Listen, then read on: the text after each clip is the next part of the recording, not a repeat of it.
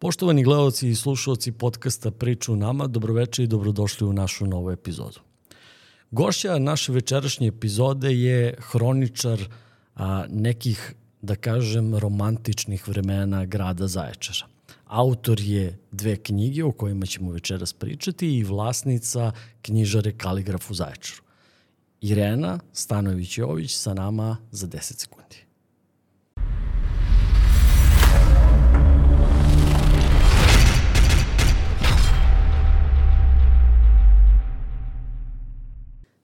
Dobar dan Irena, dobro mi došli. Dobar dan, bolje vas našla. Lepo vam je ovde i prijatno se osjećam. Drago mi je zbog toga. Uh, ideja za, za ovaj razgovor, odnosno povod za, povoda za ovaj razgovor ima više. A, pa bi tako i koncipirao ceo razgovor. Prvi povod je gostovanje Miodraga Majića ponovo u Zaječaru. Prošli put kada je promovisao knjige Deca zla i Ostravo Pelikana smo zajedno radili na toj promociji i sarađivali sa Online Media Network sa, sa knjižarom Kaligraf. To ćemo ponoviti i ovog puta, 17. februara. Ovaj put promovišemo novu knjigu Miodraga Majića Rudnik. I vi ste knjigu pročitali. Naravno, čim je stigla do mene. Ovo je negde. Knjiga Rudnik. Tako je, u vreme sajma i odmah sam je onako sa nestrpljenjem pročitala, za razliku od mnogih drugih knjiga uh, koje čitam u S, što bi se reklo, ili što bi naši stari rekli s mene pa na uštap. Uh, dakle, moram da se upoznam sa štivom, uh, pa onda malo i preskačem, pa malo vizuelno prelazim neke segmente. Ovu sam pročitala od korica do korica. Zato što me je, su me prethodne dve knjige Majićeve zaista fascinirale. Moj favorit je Ostrvo Pelikana i onda sam jedva čekala da i Rudnik stigne da mogu onako da uživam u čitanju i želela sam neizmerno sam želela da vidim kako će sada Majić ispripovedati jednu potpuno novu priču. Ja mislim da će se u knjizi Rudnik voditi dosta polemika, jer a, pisac u ovoj knjizi ostavlja čitaocu dosta prostora za, za zaključke šta se desilo u knjizi i šta je u suštini rudnik Miodraga Majića. A, nećemo mnogo spojlovati knjigu. A, sami ste rekli, a, vaš favorit je Ostrovo Pelikana. Ja sam vam rekao pre početka razgovora da, da je moj djeca zla, još uvek. A, Rudnik je knjiga koja, koja ne liči ni na jednu do sada njegovu knjigu. Znači, on u Rudniku ide u neku, pa možemo da kažemo i, i naučnu fantastiku u, u nekim segmentima te knjige. A, šta je ono što, što vas je, ajde da kažemo, najviše fasciniralo u toj knjizi, šta je ono što, zbog čega preporučujete čitocima da, da pročitaju ovu knjigu? Da, potpuno ste u pravu, ona se e, po narativu veoma razlikuje od njegove prethodne dve knjige. E, moram samo digresiju jednu da napravim. Zašto je Ostravo Pelikana moj negde favorit? E, kažu da nekada to ima veze sa tim koju, koju knjigu prvo pročitate. Meni ona bila prva. Ja sam prvo nju čitala, pa onda Decu zla. I e, taj sam susret sa piscem i sa njegovim pripovedanjem je za mene zaista bio potpuno otkriće i knjiga je bila vrlo katarzična jer sam prepoznavala uh, i društvene prilike i situacije i manipulacije u našem društvu, dok ova nudi jedan potpuno drugačiji um, Pa čak, da, možda žanr, možda jeste, malo naginje ka naučnoj fantastici, a i on je sam, kad je gostovao, e, čini mi se izjavio da voli naučnu fantastiku ili epsku fantastiku, tako da možda je se negde tu želeo da oproba i da se poistoveti sa svojim omiljenim piscima. A ono što je meni najintrigantnije e, je e, ta nedorečenost. Dakle, do poslednje stranice e, vi ne znate ni šta je rudnik, ni gde je rudnik, a, ni ko je u stvari, da kažem, smeštan u, u taj rudnik i ostaje vam jedna velika nedoumica da li je glavni lik psihopata, da li je lud, Uh, ili kroz um, tu vrstu svojih reminescencija pokušava da napravi jednu aluziju na čitavu na čitav društveni poredak u ovom trenutku i da nas negde nagna da prepoznamo možda šta se to u stvari događa i da nas natera na neko promišljanje. Upravo to, e, meni recimo čitajući, čitajući Rudnik, e, glavni utisak, još jedno bi samo dodao na, na vaše, ne znamo ni da li Rudnik postoji.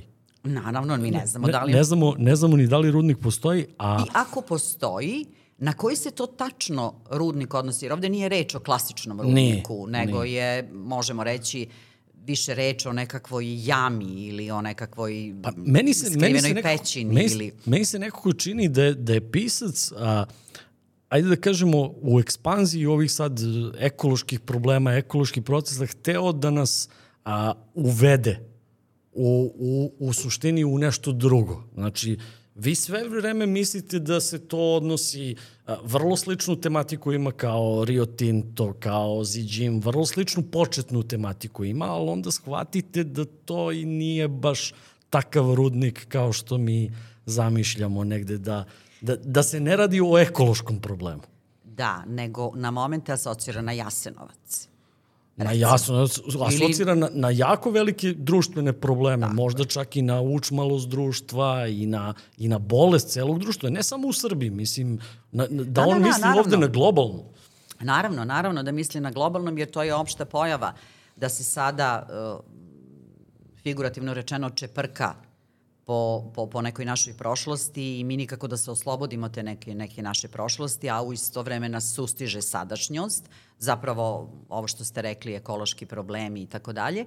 I taj lik koji sve vreme je... Radnja je nekako i imaginarna u isto vreme, a možda malo i ima tu i fantastike, ali ima tu i, i nekog e, filozofskog pristupa, jer, kažem, navodi na jedno duboko promišljanje o nama samima, o društvu u kome živimo, o, e, možda čak postavlja i pitanje da li smo i koliko, u kojoj meri inertni kao, kao društvo e, i da li smo e, sposobni da prepoznamo sve to što se događa na globalnom nivou, nije u našem dvorištu, mislim na privatno, na, na neko lično okruženje, na taj mali neki mikrosvet koji svako od nas ima. Um, I zaista s nestrpljenjem očekujem da vidim i da čujem šta će sam Majić uh, o tome reći, kako će odgovoriti na pitanja. Svedoci smo da je na prethodnoj uh, promociji baš bilo puno različitih i komentara i radoznalosti i pitanja i jedva čekam. E sad, da, da mi ne bi otišli u to da otkrijemo... Nikako, nikako. slušalcima i gledalcima. Se majično. Šta, šta, o čemu se radi u knjizi? Mi svakako preporučujemo da, da kupite knjigu Rudnik Miodraga Majića. Preporučujemo i prethodne dve knjige ukoliko, ukoliko niste čitali.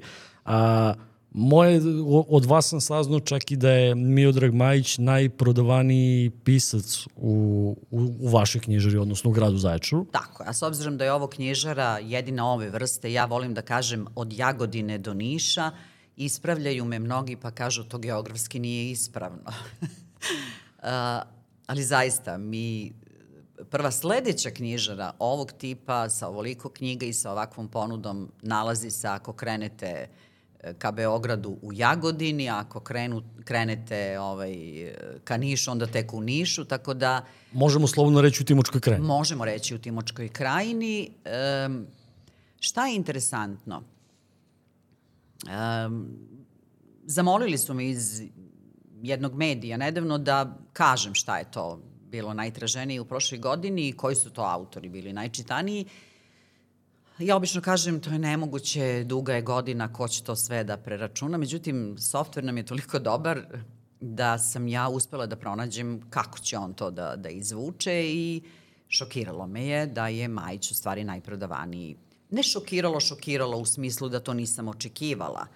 Um, svejedno je za to, mene, to za mene bilo jedno prijatno iznenađenje. Uh, Kad god neko pita pa ko je ovde najtraženiji u poslednjih godinu, dve dana, to su Lucinda Rajli koju čitaju sve dame, to je Jelena Bačić, to je Vanja Bulić, e, e, Frederik e, od pre nekoliko godina i taj se trend prosto nastavlja iz meseca u mesec. E, podatak da je Majić najtraženiji pisac u našoj knjižari u poslednjih godinu dana je toliko sada odskočio i poremetio taj neki redosled da je zaista apsolutno vredno svake pažnje.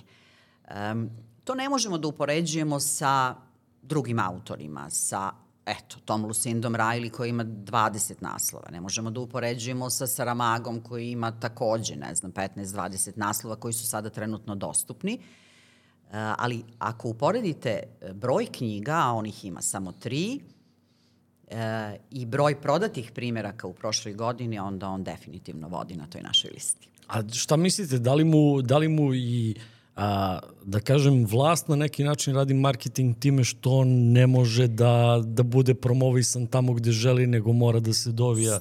Svaka reklama, pa i antireklama je reklama. E, verovatno. Verovatno ima i toga. E, on je, osim toga, vrlo harizmatična ličnost e, izuzetno zanimljivo piše, neobično, svaka mu je zlata vredna u svakoj od ovih knjiga, tako da nemoguće je samo reći da, to je iz političkih razloga ili to ima neku političku konotaciju, pa je sad to zbog toga. Imamo mi i druge omražene, da kažem, e, pisce, one koje vlast ne voli ili one koje neka druga opcija, možda uh, opozicija ne voli, pa... Pa nije tak, taj pa slučaj. nije taj slučaj. Tako da mislim da tu ima svega, ali ja bih uh, favorizovala, ako mi dopustite, njegovo umeće, njegovo pripovedanje, priče koje nam nudi, to bih stavila na prvo mesto. Storytelling, što bi rekli mladi. Od prilike. A, U svakom slučaju, 17. februara je promocija. Promocija je na istom mestu kao i prethodna u Timočki bune. Mi vas pozivamo, na vreme ćemo objaviti i tačno vreme, tačno vreme promocije. Ukoliko hoćete da se upoznate sa Miodragom Majićem, ako hoćete da mu postaviti neko pitanje, u ostalom ako hoćete samo da ga čujete, da dođete na promociju, a ja se nadam da će Miodrag Majić biti gost u ovom studiju, pa ćemo moći malo i da ga kao publiku upoznamo i privatno. E sada, ja bi a, prešao na vas kao, kao gosta. A, ono što obično krećem sa, sa svojim gostima, krećem od nekih ranih dana, odnosno od toga koju ste školu pohađali, šta ste završili, A, niste rodom iz Zaječara, koliko znam? Ovde sam rođena, ali ne, moji su živeli u okolini Tako da bih hteo da, da, da, čujem, da čujem tu priču, pa da krenemo polako i preko radija, televizije, da dođemo do knjižare, do vašeg pisanja. Ima dosta toga dosta za pričati. Toga. Da, rođena sam u Zaječaru igrom slučaja. Moji su poreklom iz um, okoline Knjaževca, iz jednog sela koje se zove Lepena i nalazi se deseta kilometara od e, Knjaževca kad krenete prema Tupižnici. I detinstvo sam provela u roditeljskoj kući, naravno. E, čak sam u prvim godinama školovanja bila đak putnik. E, recimo od prvog do četvrtog razreda sam bila u grupi đaka koja je peške išla u školu svakog dana, dva do tri kilometra u jednom pravcu, jer naše selo nije Nije imalo školu. Nije imalo školu. Uh, to je bila škola do četvrtog razreda i naravno da sam ja nakon toga morala da pređem u Knjaževac. Završila sam osmogodišnju Dimitrije Todorović Kaplar i prvu godinu uh, srednje škole u Knjaževcu. Ja sam inače druga generacija čuvenog Šuvarovog uh, školstva. Aha. Uh, I već u drugoj godini je uh, bilo opredeljivanje. Uh, škola se delila uglavnom na, zapravo nastava se delila na jezički i matematički smer. Knjaževac nije mogao da ponudi taj jezički i ja sam iz tih razloga se preselila u Zaječar. I tu sam i ostala. E, odavde sam otišla na fakultet, e, studirala sam jugoslovensku književnost i srpsko-hrvatski jezik, nisam diplomirala, tako da je fakultet ostao kao jedna, deo fakulteta je ostao kao jedna lepa uspomena, a razlog je što sam umeđu vremenu već na trećoj godini, u trećoj godini srednje škole, ja sam postala saradnik radija. Uh, i nakon možda dve godine otprilike studiranja dobila ponudu da dobijem posao. Zapravo pozvali su me, ponudili mi posao. Ja sam to obe ručke prihvatila. Prešla sam na vanredno studiranje s namerom da to uz rad završim. Ne, ja sam toliko volela taj svoj posao da prosto nikako nisam nalazila vremena da se time bavim, nije mi nešto ni bilo neophodno zbog e, posla i ja sam gradila svoju karijeru i uživala u tome što radim. A, inače, e, posao na radiju je bio moje ostvarenje snova, jer sam već kao devojčica sa 6-7 godina, gledajući e, televizijski program, pratila Ljeljanu Marković, Dušan Kukalanj, Staku Novković. I onda sam rekla, ja ću biti spiker. I to me je sve vreme pratilo, tako da kad mi se taj san ostvario, apsolutno je sve drugo palo u, u, u drugi plan. Vrlo rano sam kroz školu počela i da budem recitator, bila sam i dve ili tri godine zaredom na republičkom takmičenju recitatora, um, vodila sve školske, pa potom i gradske manifestacije u Knjaževcu. Ali se tad republičko održavalo i dalje u Velikoj plani? Evo, bilo je u Velikoj plani, bilo je u Beogradu. Jedne godine je bilo u Beogradu. Pesniče naroda mog. Moguće. Ja mislim da se, Moguće, da se zove. prepunjeni fajlovi, mnogo toga, mnogo toga sam zaboravila kako se zvalo. Ove, ali sam, eto, kao učenik e, osmogodišnje škole, e, sve kulturne manifestacije u gradu Knjaževcu vodila Festival kulture mladih Srbije. Neizostavno, nekoliko godina zaredom. Tu sam na neki način, mogla bi se reći, i pekla zanat. Moj stric je bio dugogodišnji direktor biblioteke u Knjaževcu. Sad je njegova čerka, Vladana. Vladana, da. Da, Da, da, stric. da, da, da, jeste, jeste Stojadinović. Da, Bani. E, mnogo smo lepo sarađivali, Bani i ja. Um, Knjaževac tada nije imao dom kulture, nego je imao dom omladine. Ali sve što je bilo vezano za kulturu se upravo tu dešavalo. I kad god treba nešto da se desi, tada je bilo kakav god da je bio skup, da li je on politički, da li je sociološki, društveni, kulturni, nije važno, na kraju tog skupa se upućuje telegram, pozdravni telegram drugu Titu. I to se podrazumevalo da ću taj telegram čitati ja. Ja sam ih sve sačuvala. Neverovatno. E, onda sam, kad sam došla u Zaječar, imala neku možda malu pauzu, dok sam ja pronašla kontakte, dok sam se uključila i tako dalje. E, onda je već došao radio. Ali Knjaževac mi je to vreme odrastanja, to vreme dok sam išla u školu, to su bila neka drugačija, naravno da su drugačija vremena i svako od nas jednog dana kaže, e, kad sam ja bio mlad, to je bio to je bilo pravo vreme. I svaka generacija posle nas je sve gore i gore. Ali svi to isto kažu kad dođu u određene godine. Razlog je što se drugačije živelo, što smo bili mladi, poletni. Mene ništa nije moglo da zaustavi. E, da li je to bilo polaganje venaca na neko spomen obeležje? Da li je to bilo, tada su pravljeni recitali, e, da li je to bio dan grada, da li je to bila bio neki drugi povod. Uvek su organizovane ono što smo mi kasnije zvali svečane akademije i nekako je bilo, podrazumevalo se da ću ja biti tamo ili ću recitovati ili ću voditi program ili... A stvarno sam bila mlada, to je negde Ali- od petog do osmog razreda. A, imam utisak i pričat ćemo o, o, o knjizi Nogu pred nogu kroz, kroz Varoš Zaječar, ali a, tu, tu dobro opisujete recimo učešće privrede uopšte i u kulturnom i u sportskom životu grada Zaječar i u uzdizanju toga. Kasnije, kad dolaskom komunizma, tu brigu je preuzela država. Imam utisak od kad je država, ajde da kažemo, ostavila to, da više nema recimo tog uključivanja zaječarske privrede ni u kulturan ni u sportski život grada Zaječara. Bilo je. Bilo je, nije se moglo zamisliti e, ništa bez učešća, ali mislim da unazad možda 20 godina. O tome je, pričam, o tom periodu tako pričam. Je, tako je. E, tada kad sam m, počela da radim na radiju, zaista se ništa nije moglo zamisliti bez učestvovanja privrede. T- taj period, ja opet kažem, to je neka društvena svojina, odnosno fabrike koje su postojale u Zaječaru i to, to da. Nego pričam posle toga, znači pričam od, ajde kažem, ovih 20 zadnjih godina koje smo rekli. Mislite kao od da početka to... privatizacije? Jeste. Um, ima, ima toga, sigurno da je to tako. E, ima tu još mnogo drugih faktora koji, su, koji dovode do toga i koji su doveli do toga da prosto danas, e, nije da baš nikog nije briga, nego e, to nije trend, to nije društveni model. E, tada, je na, tada se na crnoj listi nalazio svako ko nije želeo da učestvuje. Uh -huh.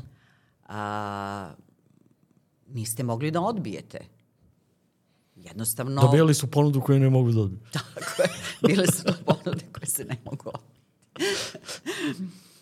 um, nekako potpuno drugačiji, drugačiji odnos prema svemu. Ja se sećam, opštinski komitet e, u Knjaževcu je, e, u Zaječaru je to bio međuopštinski komitet, ovaj, je bila zgrada i ustanova u koju nije mogao svako da uđe. Prosto nemate ta šta, tamo šta da tražite ako niste pozvani i ako nemate nekog ozbiljnog posla. I kad sam prvi put kročila u tu zgradu, ja sam se osjećala kao da sam ušla u vladu Republike Srbije, otprilike, u to vreme. To je verovatno i ona predstavljala za te manje sredine, mislim, Jeste. u, u, u tim sredinom. To se desilo isto sa Domom kulture kada je sagrađen u Knjaževcu. Dakle, u Dom kulture se ula, ulazili su, uh, što bi rekli stari zaječarci, samo pozvati. Nije se dolazilo tek tako. I nekako ja sam se tu osetila onako kao da sam blizu nekih elitnih dešavanja i to me je inspirisalo i onako davalo mi što bi se reklo vetar u, u leđe. Na radiju koje godine počinjete da radite? 81.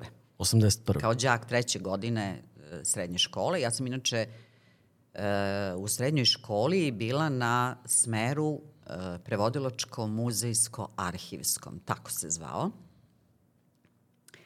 I e, taj smer je podrazumevao da učimo tri strana jezika i latinski, filozofiju i marksističku filozofiju kao dva odvojena predmeta, logiku, psihologiju, informatiku i tako dalje, ali bez geografije, bez biologije, koje su za mene bile uvek i suviše komplikovane, iako sam bila Vukovac i u, u osnovnoj i u srednjoj školi.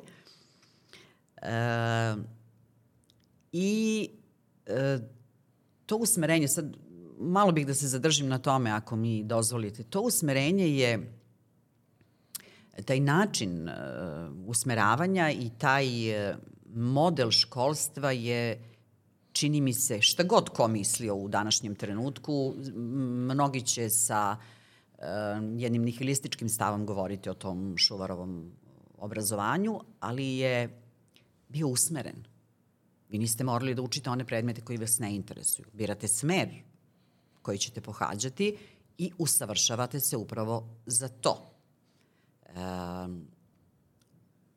takve e, smerove možda danas imaju, ne znam, u tehničkoj školi i tako. Sve ostalo je onako, učimo sve, pa sad šta nam bude od Opšte. toga zatrebalo i mislim da je to preobimno, preširoko i ponekad možda i, pa, čak mislim, da, čak mislim da su nam i fakulteti e, I, dosta opšti. Tako je, tako je.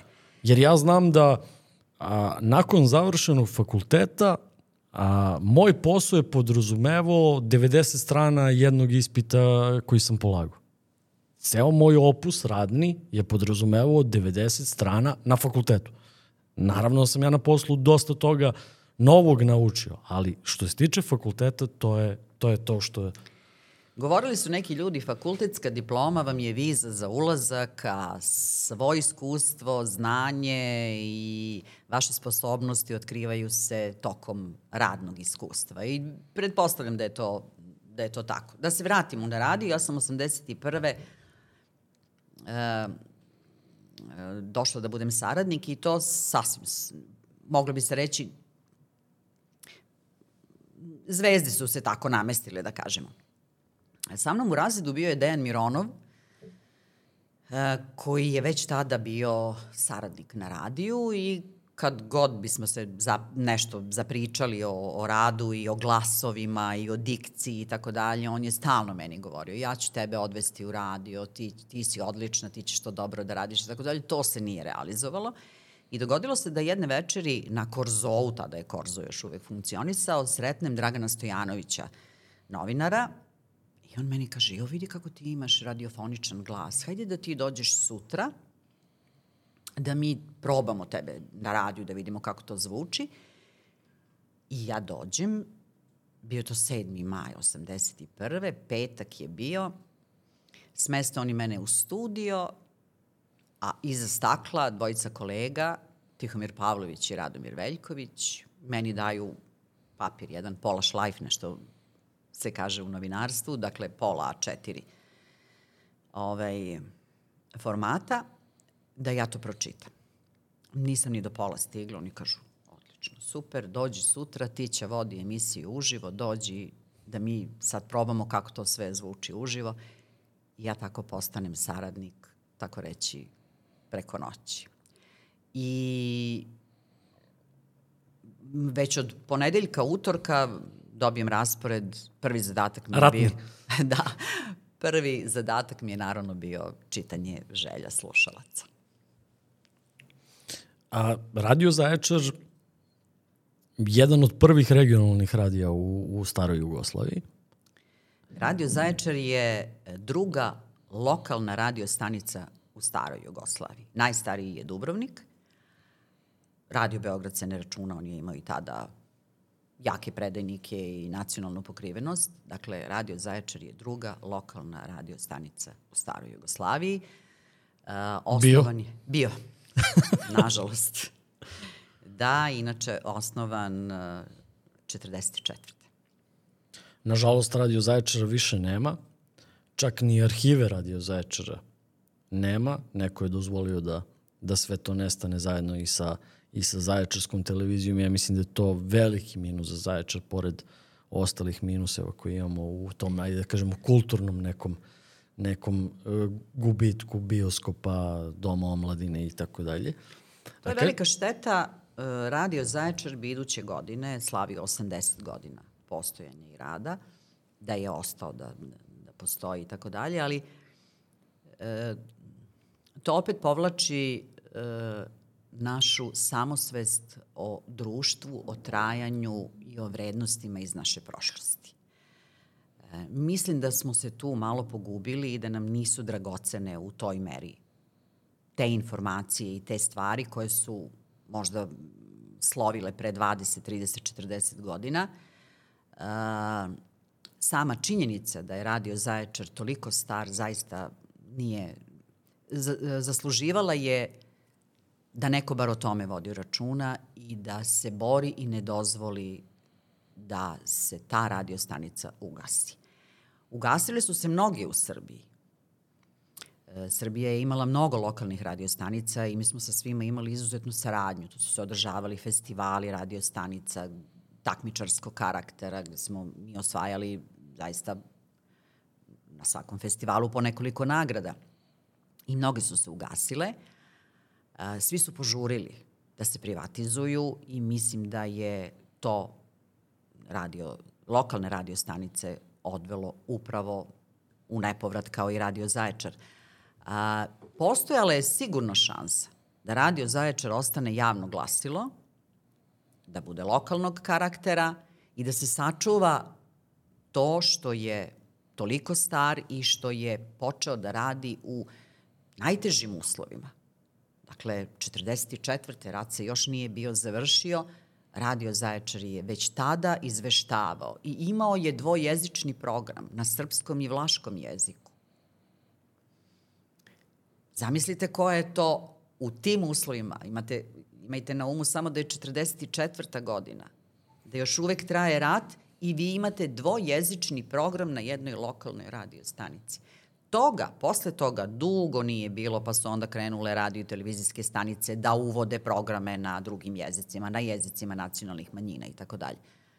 Radio Zaječar je to radio mnogo davno. Još jedan od razloga da se zapitamo zašto je to moralo tako da bude. Neka ideja mi je i, i neke kontakte sam i sa, sa Tićom napravio da, da celu jednu emisiju, odnosno da ceo jedan podcast posvetimo Radio Zaječaru, jer mislim da je, da je vredno da, ajde da kažemo, da damo neki omaž tom radiju koji je, koji je definitivno bio a, pre svega a, kreator a, ono što, što ja mogu da zapazim kod, kod svih vas koji ste, koji ste bili, to je, to je perfektna dikcija. A, mislim da se to čak ni ne radi sa, sa današnjim voditeljima i sa današnjim ne, spikerima. Ne, ne, to je izgubilo na značaju pre nekog vremena. Ne mogu da odredim, odredim kada, ali mi smo e, pre ulaska u studio, pre čitanja oficijalnih vesti, saopštenja, malih oglasa, pa čak i tih želja slušalaca koje su onda zaista ih je bilo mnogo i noćivali smo tamo, izlazili, krenemo u šest popodne da radimo emisiju Želje slušalaca, pa završimo u pola osam ujutru. Čak i to, mi smo morali da iščitavamo pre ulaska u studio, da svaku nedoumicu vezanu za akcenat proverimo ili sa nekim od kolega ili sa našom Dragicom Petković, koja je tada bila speaker, ali je istovremeno radila i kao lektor.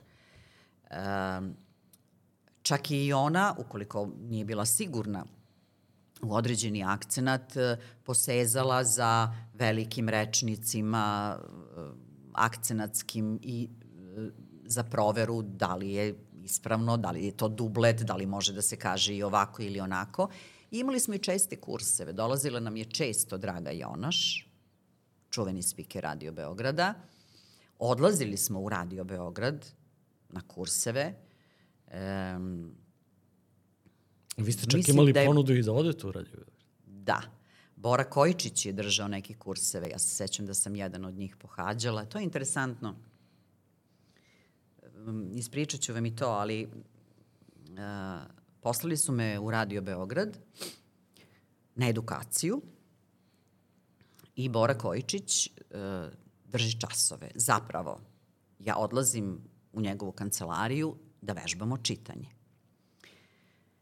Uh, stari magnetofon, više se ni ne sećam kako se zvao, Nagra ili tako nekako, snima I sve to što ja pročitam, on analizira. Kad dođem na sledeći čas, on kaže to nije bilo dobro, to ne valja, idemo iz početka, ovo mora ovako, jer nije se vežbao samo akcenat. Nije se vežbala samo dikcija, nego se vežbalo i nešto što se zove rečenički akcenat. Dakle, ne svaka reč, nego kad čitate vesti, morate da znate šta ćete u toj rečenici da naglasite. I sad on meni daje taj papir, a ja onako mlada, samouverena, ambiciozna, kažem, počinjem da čitam neku rečenicu koja je izuzetno komplikovana. Složena je, dugačka i ne prepoznajem šta je tu najvažnije. I sad ja njega pitam, izvinite, ovaj, kolega, kako biste vi pročitali ovu rečenicu? A on onako ljuti to meni kaže, koleginice, vi niste došli ovde da slušate kako ja čitam, nego da vežbate vaše čitanje. Tako da to mi je bila jedna velika lekcija uh,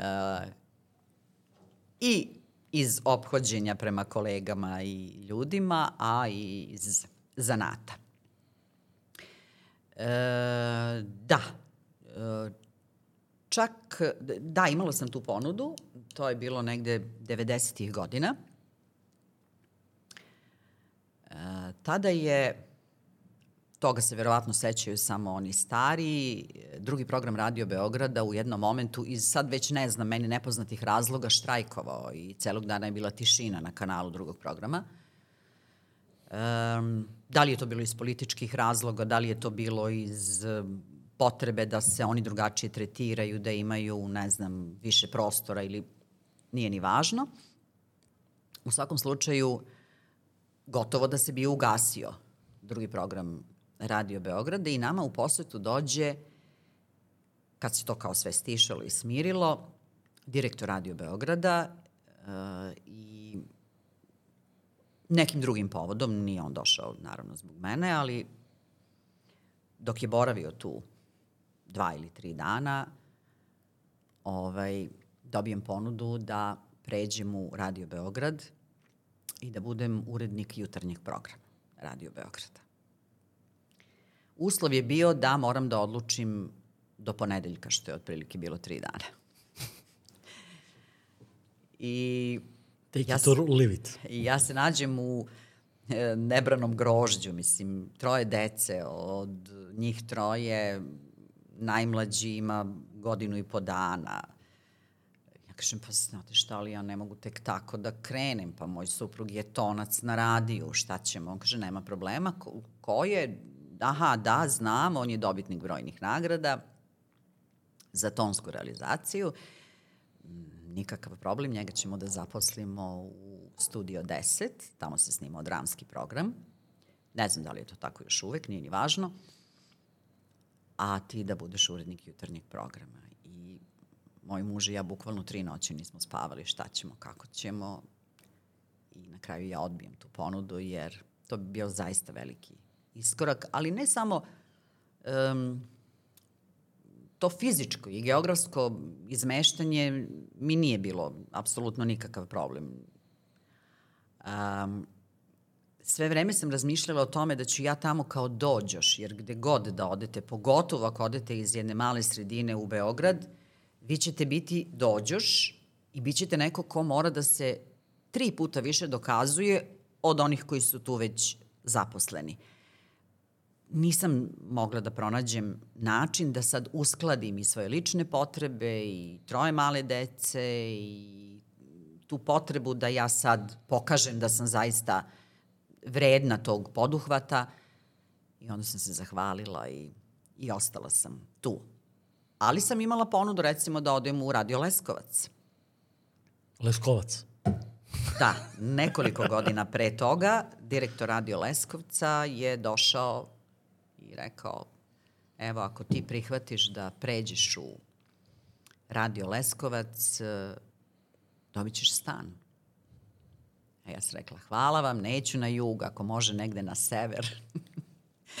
I nisam otišla ni... ni Ima jedna Leskovac. anegdota za Radio Beograd, kažu da Radio Beograd se sad ponovo sluša zato što ništa nisu promenili u svojoj uređivačkoj politici sve e, godine. E, e, ja se ne bih složila.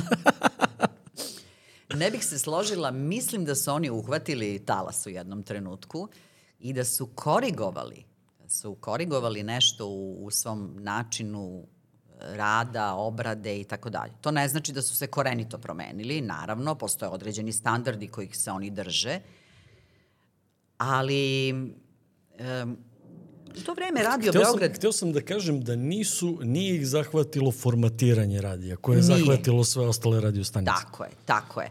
Ali su uhvatili taj neki novi talas, modernizovali se, napravili neki iskorak i tako dalje. U to vreme Radio Beograd prvi i drugi program nisu bili toliko slušani kao 202. 202 je bila kultna stanica. Tamo sam odlazila na ispomoć u, u više navrata. Čak smo radili program koji se zvao Dobro ti veče Srbijo iz studija 100 keca koji je odmah pored 202 i tako dalje. Tako da sam imala priliku da radim iz beogradskih e, studija, ali eto nisam, nisam tamo otišla. Lokal patriota, šta da vam kažem. to nam je zajedničko. Kako nastaje emisija Nogu pred nogu?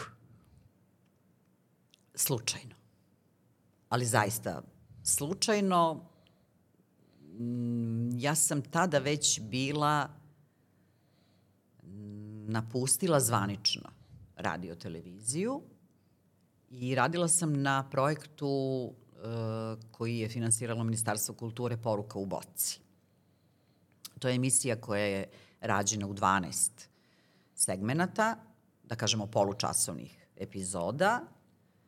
Uh, u ono vreme dakle, sad u ono vreme, mislim, nije to neko, neko davno prošlo vreme, ali to je 2007. ili 8. recimo, e, taj projekat je bio vredan 10.000 evra. A, I podrazumevao je da po nekom modelu BBC-evih emisija napravimo tih 12 polučasovnih epizoda o privatnom i javnom životu um, u regiji Gornjeg, Srednjeg i Donjeg Timoka. To je podrazumevalo Knjaževac, Zaječar i Negotin. Negotin. Um, I da to bude urađeno sa igranim scenama, mislim, pokrivanje onoga o čemu pričamo, da bude zaista igrana scena, kostimi, konji. To je dobar primer kako se, još uvek se društvena zajednica, vraćam se na ono što ste malo čas prokomentarisali, kako se društvena zajednica uključivala u sve što se dešava. Trebalo je da snimimo scenu konjanika na Kraljevici. To je podrazumevalo da konjički klub da konje i jahače. Ali treba da bude i loše vreme, jer govorimo o Tatarima, o ljudima koji su prenosili poštu u staroj Srbiji. Dakle, moramo da ilustrujemo kako je to izgledalo. Dao Bog staza i prostora ima, ali mora da bude loše vreme. Nama je e, Vatrogasno društvo e, dalo celu ekipu, vozilo, e, i ti ljudi su e, rasprskivali, pravili kišu veštačku, da bi mi to mogli da snimimo. Bez naknade, bez direktive, mi smo ih pozvali, objasnili o čemu se radi, oni su rekli nema problema, napišite samo jedan zahtev, čisto da imamo trag zašto se šta radi. Jahače smo dobili profesionalne, koji su, ne znam, 15 ili 20 puta morali da se vraćaju. Znate kako je, kad se scena snima, to mora da, da bude da bude ovaj, perfektno. Redko kad ide iz prvog. Da, pokojni Milašin Marković uh, ih je vraćao i vraćao, vraćao, vraćao. Oni su to sve odradili bez ikakvih problema. Eto, to je samo zanimljivost vezana za, za učestvovanje društvene zajednice. I tokom rada te emisije, ovaj, uredništvo radio televizije zaključilo je da bih ja mogla mimo toga da odradim još nešto, jer kao nije ovo dovoljno, ajde kao Irena još nešto. Jel može to da bude kratka forma? Moderne su bile te kratke forme, nešto što se traje dva do tri minuta, pa se više puta u toku dana emituje. Ja kažem, pa dobro, ajde sad te neke sve sekvence i neke detalje i, i, i um, pojedinosti možemo da smestimo u tu kratku formu. Ja ću sad na malo drugačiji način šetati kroz grad, pričati o određenim lokacijama, naći ću se na mesto Turske vodenice i reći ću ovde je bila, ovde su zečarci promenili mesto stanovanja, prešli Timok i tako dalje. I to je stvarno ispalo dobro. Našlo je, naišlo je na dobar prijem kod gledalaca. Trebalo je da bude 365 malih epizoda. Uh -huh mi smo snimili četrdesetak, jer sam ja, kažem, u isto vreme bila i angažovana na ovom drugom projektu. I ostalo je nešto još u, u tekstovima, u rukopisu, u beleškama. Ja sam definitivno otišla odande u međuvremenu, počela da se bavim nečim drugim, otvorila knjižaru, nije više bilo vremena za realizaciju toga. I onda je bilo šteta zaista da taj televizijski serijal nogu pred nogu ostane tako, na papiru, eto, i nastala je knjiga.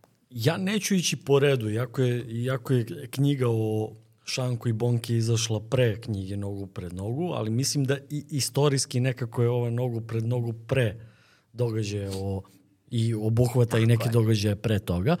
A, definitivno a, nisam je celu pročitao, pročitao sam segmente nekih knjige, ali definitivno stojim da je knjiga koju bi svaki zaječarac trebalo da ima u svojoj kući, a, nogu pred nogu. Knjiga, a, mislim da, da bi čak ova knjiga trebala da bude i u delu nekog paketa koji zvaničnici grada Zaječara poklanjaju nekim ljudima koji dođu, dođu sa strane u Zaječar, jer govori u principu od trenutka kada Zaječar ulazi u sastav Srbije, odnosno od oslobođenja Zaječara do nekog, ajde da kažemo, vremena između, između dva rata, a, gde, gde vi, a, koliko vidim, taj neki period kraja 19. i početka 20. veka onako baš romantizujete ovde, a u, u suštini Zaječar jeste bio jedna, jedna varoš a, koja, koja je išla možda čak i u tom trenutku ispred svog vremena u, u tadašnjoj, tadašnjoj državi. E, mislim da je Felix Kanic e, naveo negde 1895. godine da je Zaječar e, najbogatija varoš. Kad kažem najbogatija, verovatno nije misli u finansijskom smislu i u tome koliko su duboki džepovi, nego i u kulturološkom i u bilo kom drugom smislu. Pa, um, prvi tekstovi e, govore o vremenu kada je, kada se, kada je Zaječar bio u sastavu, kada je bio pod Turskom. Pod Turskom. Međutim, tu veoma malo tragova ima. Veoma malo podataka koje biste mogli da ugradite u bilo kakvu publikaciju. Uh, meni je bilo nemoguće da to istražim, za to bi mi bilo da naknadno istražujem za knjigu, mimo ovih projekata o kojima sam govorila, podrazumevalo bi da moram da otputujem u Sofiju, u Istanbul i tako dalje, što zaista nije bilo moguće i za to su potrebna zaista velika sredstva i vreme. Uh, I logično je da sam se fokusirala na onaj deo za koji smo, sam mogla da pronađem materijalne dokaze ili beleške putopisaca, hroničara i tako dalje. Knjiga se bavi isključivo privatnim i javnim životom ljudi koji su živeli na ovom prostoru, bez bitaka, bez pobednika, Bez istorijskih ličnosti bez velikih. Bez istorijskih ličnosti, bez datuma u smislu kada se šta dogodilo. Istorija nas uči da su i ti datumi toliko uh, relevantni i, i diskutabilni. I diskutabilni i toliko promenljivi da da li je Zaječar oslobođen 10. maja ili 7. septembra. Ja u svojoj karijeri sam doživela da se to jedno 3-4 puta promeni. Dan grada mislite? Dan grada. Tako da mislim da to nije od suštinskog značaja bilo za ovu priču, nego me je um, intrigiralo čime su se ti ljudi bavili, kako su živeli, od čega su živeli, šta su jeli, gde su spavali, kako su se zabavljali. Morali su da se zabavljaju, morali su da nešto rade, morali su da imaju neke društvene odnose, morali su um, da se hrane, da se uh, obrazuju, da... E, to je ono što je meni bilo interesantno i da, do drugog svetskog rata smatram da od tog momenta na ovamo treba da radi jednoga dana uh, neko drugi. Pomenuli ste zabavljanje zaječaraca po, po broju kafana u, u, u to doba i, i po broju bordela reklo bi da su se zaječarci dobro zabavljali u to vreme. Sigurno. A, mislim da ste negde pomenuli da, da su se ti a, balovi koji su se održavali u Beogradu održavali i, i u Zaječaru. Tako. A, Zaječar u to vreme, Zaječar u to vreme 1866. Tako. je proglašen za varoš. Za, za varoš. A, impozantan je broj, a, ajde da kažemo, neke industrije koju, koju, koju Zaječar ima, ima za to doba. Iako je bio rušen 76. zajedno sa, sa velikim izvorom u Srpsko-Turskom ratu. Uh, da, prvi bal je održan 1834. ako se dobro sećam u Kragujevcu. A negde 1856. 7. 8. je za načelnika Sreza u Zaječar došao izvesni Aleksandar Tripković, koji je bio iz, bio je blizak Karadžorđevićima, mislim da je bio iz roda Ljubice ili tako nekako. Mislim da ja navodim taj podatak u knjizi, ali prosto ne držim ih sve u glavi. Um, koji je um, Nobel sa beogradskih balova ponašanje i kulturu doneo u Zaječar.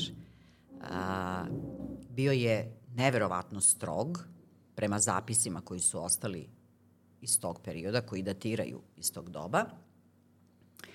ali je u isto vreme i insistirao na tome da se na bal polazi uz pucanje prangija, odnosno neke vrste pušaka, da se oglašava bal, da se bal održava u školi i tako dalje, e, da svako mora biti pravedan, da to sad ima veze i sa Milošem koji nije, Obrenovićem koji nije dozvoljavao da se čopor pasa vrti po gradu i Niti da... Niti pušenje na ulici. da, strogo je kažnjavano. Da, nego da svako mora imati jednog psa u dvorištu, vezanog i tako dalje. I taj se trend sa poštovanjem pravila i propisa negde nastavio, tako su u Zaječaru počeli da se održavaju balovi. Um, Industrija je došla nešto malo kasnije, negde 80. godina. Nakon tog uh, tragičnog rušenja, Zaječar je tada bio srušen do temelja, to su srpsko-turski ratovi 1876. i 78. E, stanovništvo je svo izbeglo iz Varoši i preselilo se na Kraljevicu. Oni su tamo podigli zemunice i tamo su živeli. A u samoj Varoši je bilo nešto malo Turaka i to je to. Kada se to završilo, kada je potpisan sporazum 78. onda su zaječarci krenuli bukvalno da iz pepela dižu svoju varoš i da svoju decu šalju u škole u Beč i Peštu, da tamo nauče zanate, da nauče poslovanje, da izuče škole, kako su govorili. Lokalna zajednica je davala stipendije toj deci. Ali ne svima. A sigurno ja, ne svima, a, ali... Interesantno je ono što sam ja e, došao od toga nevezano za, za Zaječar, kad, kad ljudi kažu a, za vreme Tita je školovanje bilo besplatno, mi imamo baš taj primer Kneževine i Kraljevine a, Srbije, gde, gde su najbolji učenici iz a, škola lokalnih slati na internacionalne fakultete sa a, obavezom, obavezom, da se vrate to sam upravo htela da, da, se, vra, da, da se vrate, vrate u, a, u svoju varoš. S tim što, što je bilo, a, bilo je, a, u tim propisima je bilo da niko ko je državni službenik ne može svoje dete o trošku države da šalje. Znači, državni službenici su mogli da pošalju u svom trošku, a država je stipendirala najbolje a, učenike koji nisu bili na državnim jaslama, što se Zar kaže. Zar to nije pravedno? U suštini jeste. U suštini jeste. Da, oni su imali obavezu da se vrate i da ta znanja stečena tamo negde u inostranstvu primene u svojoj sredini i tako su um, tako je nastala um, ta aristokratska klasa u Zaječaru, Janković, um, Rajković. Rajković, Stajković, e, Milošević i tako dalje. Koji su posle podizali Zaječar. Da, Milošević je, ako se ne varam, vezan za prvu hidrocentralu. Hidrocentralu, tako je, i za elektrifikaciju Varoši 909. ili 10.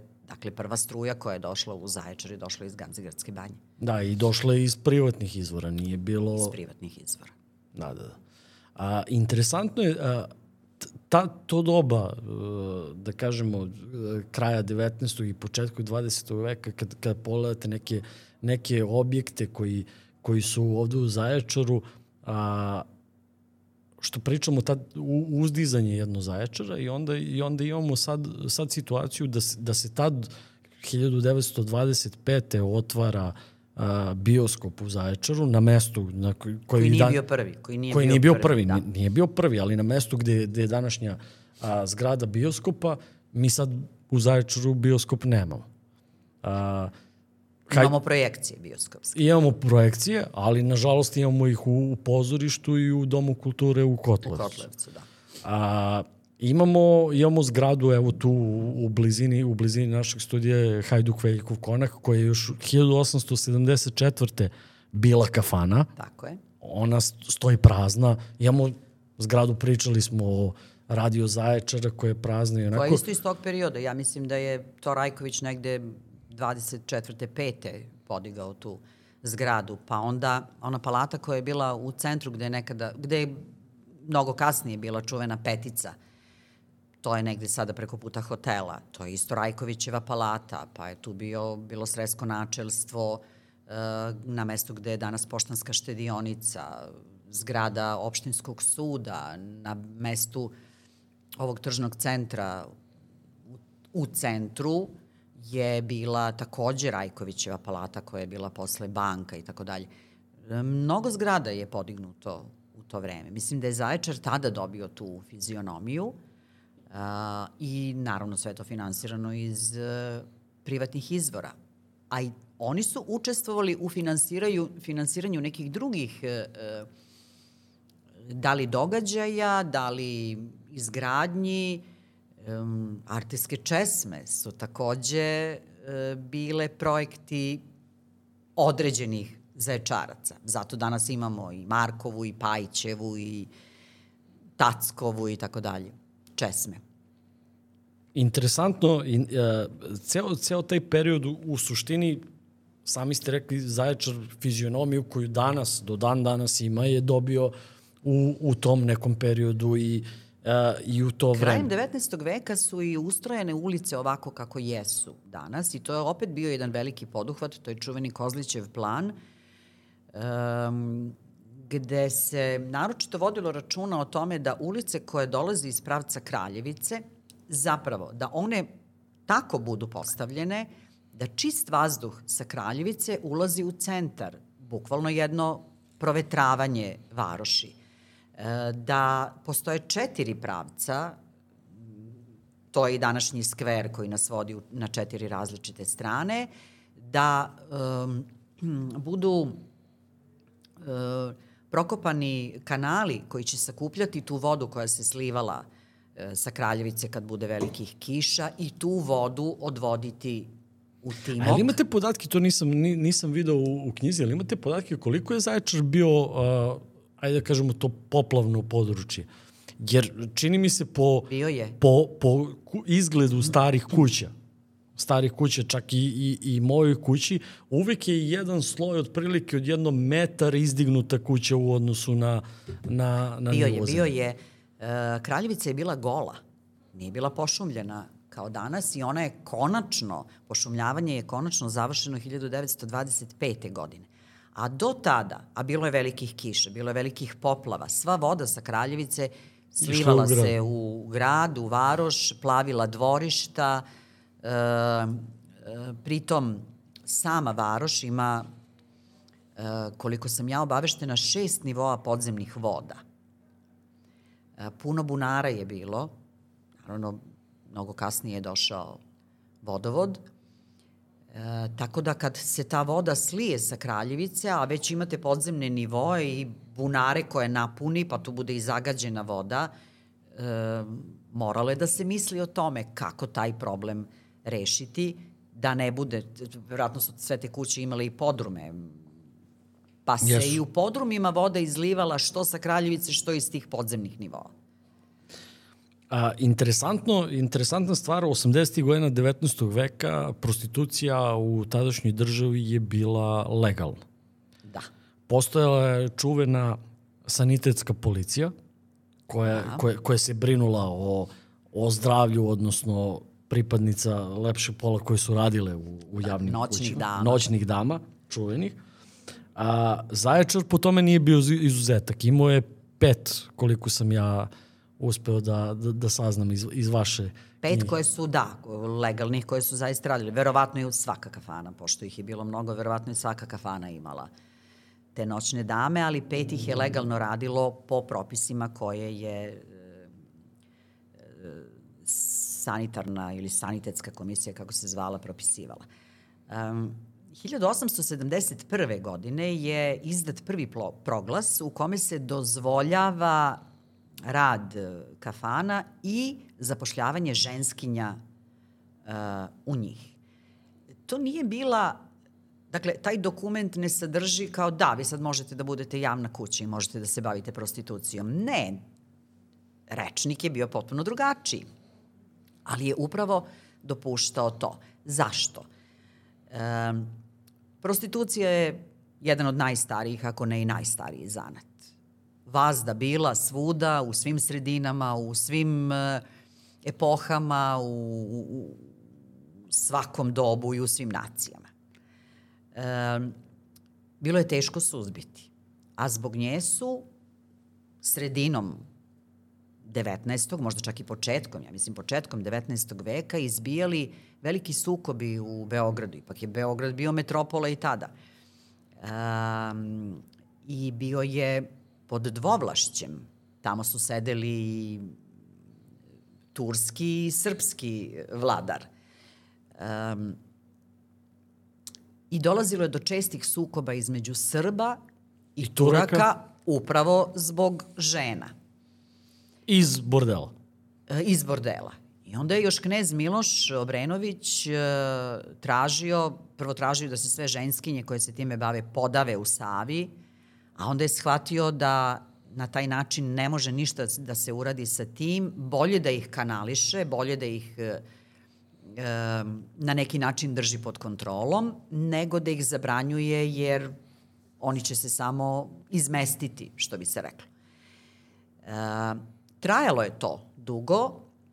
Da, čak ide i ona priča, to, sam pročitao u, u knjizi, da, da je kad, kad su neki ajde da kažemo, važni događaj u odnosima Srba i Turaka, kad, kad se razmatraju, onda je on terao da se te noćne dame izmeste iz Beograda da ne bi dolazilo do incidenata da bi... između Srba i Turaka u Beogradu. Jeste, jeste. E, I to je relevantan podatak, um, kao i svi drugi u ostalom u knjizi, tu sam vrlo precizna, zaista ne želim da navedem ništa, ni da dam naznaku da se možda nešto dogodilo ako za to nema materijalni dokaz, zapis, prepis i tako dalje. U svakom slučaju, u vojnom zakonu iz 1868. je postojala isto tako neka klauzula gde se, ne znam, ograničava kretanje, kažnjavaju se i tako dalje. Kažnjavali su se i zbog zlostavljanja sobstvenih žena, muškarci, ili zbog, bilo je, možda nije zaverovati, ali bilo je i obrnutih slučajeva gde su žene zlostavljale muškarce, pa i to bilo kažnjavano. Ali tek 1871. je zapravo izdat taj proglas i nakon toga počinje osnivanje tih e, zavoda za ljubav, kako su se tada zvali, i Zaječar je prvu legalnu javnu kuću dobio 1895. Vlasnica je bila neka Jelena Kofa. Nažalost, ja nisam uspela da pronađem ništa u našim arhivskim dokumentima ko je bila, odakle je došla, zašto se zvala Jelena Kofa, to je baš neobično prezime, ali su I inače u tim zavodima radile devojke koje su dolazile sa druge strane. Prosto nisu time mogle da se bave zečarke ili recimo ili u Kraljevu. Tome nema podatak. Ili u Kraljevu Kraljevčanke. Ne. Ne, jer e, to su bile male sredine. e, kako bi ona otišla iz roditeljske kuće da se time bavi, proterali bi je roditelji iz Varoši, proterala bi je vlast iz Varoši. Ne, bilo je razmene. U Zaječar su dolazile prečanke. Dakle, dolazile iz Vojvodine. One su bile ili e, Mađarice ili Vojvođanke ili Nemice, svejedno, uglavnom, zašto baš prečanke, to ne znam, taj podatak mi nije bio dostupan, ali slična situacija je bila recimo i u Kragujevcu i Kraljevu, e, da su te devojke dolazile sa neke druge strane, tu se zapošljavale, imale svoje zdravstvene knjižice, morale u jednom trenutku jednom, u jednom momentu čak i dva puta nedeljno da idu na lekarsku kontrolu e, i ukoliko im lekar, ja, ukoliko lekar proceni da su zdrave, oni mogu da se vrate svom zanatu, ukoliko ne, one moraju da ostanu hospitalizovane dok se ne izleče. Interesantne priče. Bilo je i situacija da, da su se i neke od tih noćnih dama i dobrano obogatile. Ima i situacija i da su da, da ih je venčavao neko od... Bilo je. Gotovo da su se infiltrirale u, u lokalnu sredinu. E, čak postoji priča da se jedan oficir oženio e, nekom devojkom koja je bila zaposlena u tom zavodu i da su do kraja života ono, živeli srećno i, i zadovoljno. Interesantno da je društvena sredina to prihvatila na takav način. U stvari, kad pročitate sve te zapise iz tog perioda, negde se, čini mi se, provuče um, možda je to osjećaj, možda to ne bi moglo da se uh, kvalifikuje kao informacija, nego prosto osjećaj uh, da su svi znali sve, ali nisu o tome pričali i kao da se onda ništa ne dešava. Svi su znali sve, ali niko nije znao ništa. I niko nije znao ništa, da. Dakle, ona je radila u zavodu, ok, sad se udala za oficira, ona je sada poštena žena, udata, je li tako, i društvo je, komšiluk da. je prihvatio. To, to je zanimljivo, ja sam imao par nekih situ, situacija u bližu ili dalje familiji da tek kad ostare bake ili pravake krenu da, da, da pričaju, da pričaju i to, to su onda skečevi, šta se sve dešavalo u to vreme, a mi svi posmatramo na to vreme kao da. na mnogo drugačiji način. E, apropo toga, e, moje bake su, dakle, odrasla sam uz njih e, četiri, pet u jednom trenutku i baš su volele da pričaju o tim davnim vremenima i stalno su govorile kako se um, o Uskrsu i ne znam kom još prazniku um, vršilo kolektivno opasivanje. Kao, tu se sad bude neka zabava i onda momci i devojke odvedu u šumu da ili na livadu da beru cveće i tako, to sve je fino, ništa se... I to je to. I to je to, ništa se nije desilo. Mnogo kasnije u razgovoru sa nekim etnolozima uh, je meni, meni postalo jasno uh, šta znači opasivanje. Pa kažem, da, jeste, taj izraz je često korišćen kad se govori o konjima, opasivanje kobila, jel? Kako to nisam prepoznala? U stvari je to bila neka vrsta kolektivne defloracije. A, ja bi... Koju niko nije nazvao ni približno sličnim imenom da bismo iz toga izvukli zaključak. Ja još jednom bi preporučio svim zaječarcima knjigu, knjiga postoji, može se kupiti kod vas u, u knjižari. Knjiga postoji i e, knjiga sadrži zaista osim tih autentičnih e, zapisa za koje sam se ja trudila da budu prijemčivi i da budu razumljivi svakom, da je mogu čitati i car i govedar, što bi rekla pokojna Draga Jonaš, i da e, e, to sve bude kao neka vrsta politikinog zabavnika. Da nešto upada u oči, da nešto iskače sa tih stranica, da privuče pažnju, da ne bude suvoparni tekst i da ima dovoljan broj fotografija i ilustracija. Veliki broj fotografija je iz naših e, e, fondova istorijskog arhiva, muzeja, biblioteke i tako dalje. Međutim, ima i mnogo fotografija koje su iz privatnih zbirki i ima uh, veliki broj crteža koje je Dragan Stokić Rejački namenski radio za televizijski serijal, odnosno dopunjavali smo sa još određenim brojem crteža specijalno za knjigu, uh, kako bismo dočarali kakva je to slika bila, zašto je to tako, da li je, ako se već nešto nosilo, ako je garderoba bila takva, kako je to u stvari izgledalo, da bi bilo zanimljivije. Eto, to je U svakom slučaju, ja, ja bih preporučio svakom zaječarcu, jer mislim da bi ovakva knjiga trebalo da se nađe na policama svakog zaječarca i da je pročita, ne samo da Hvala. da stoji na, na, na, na policama.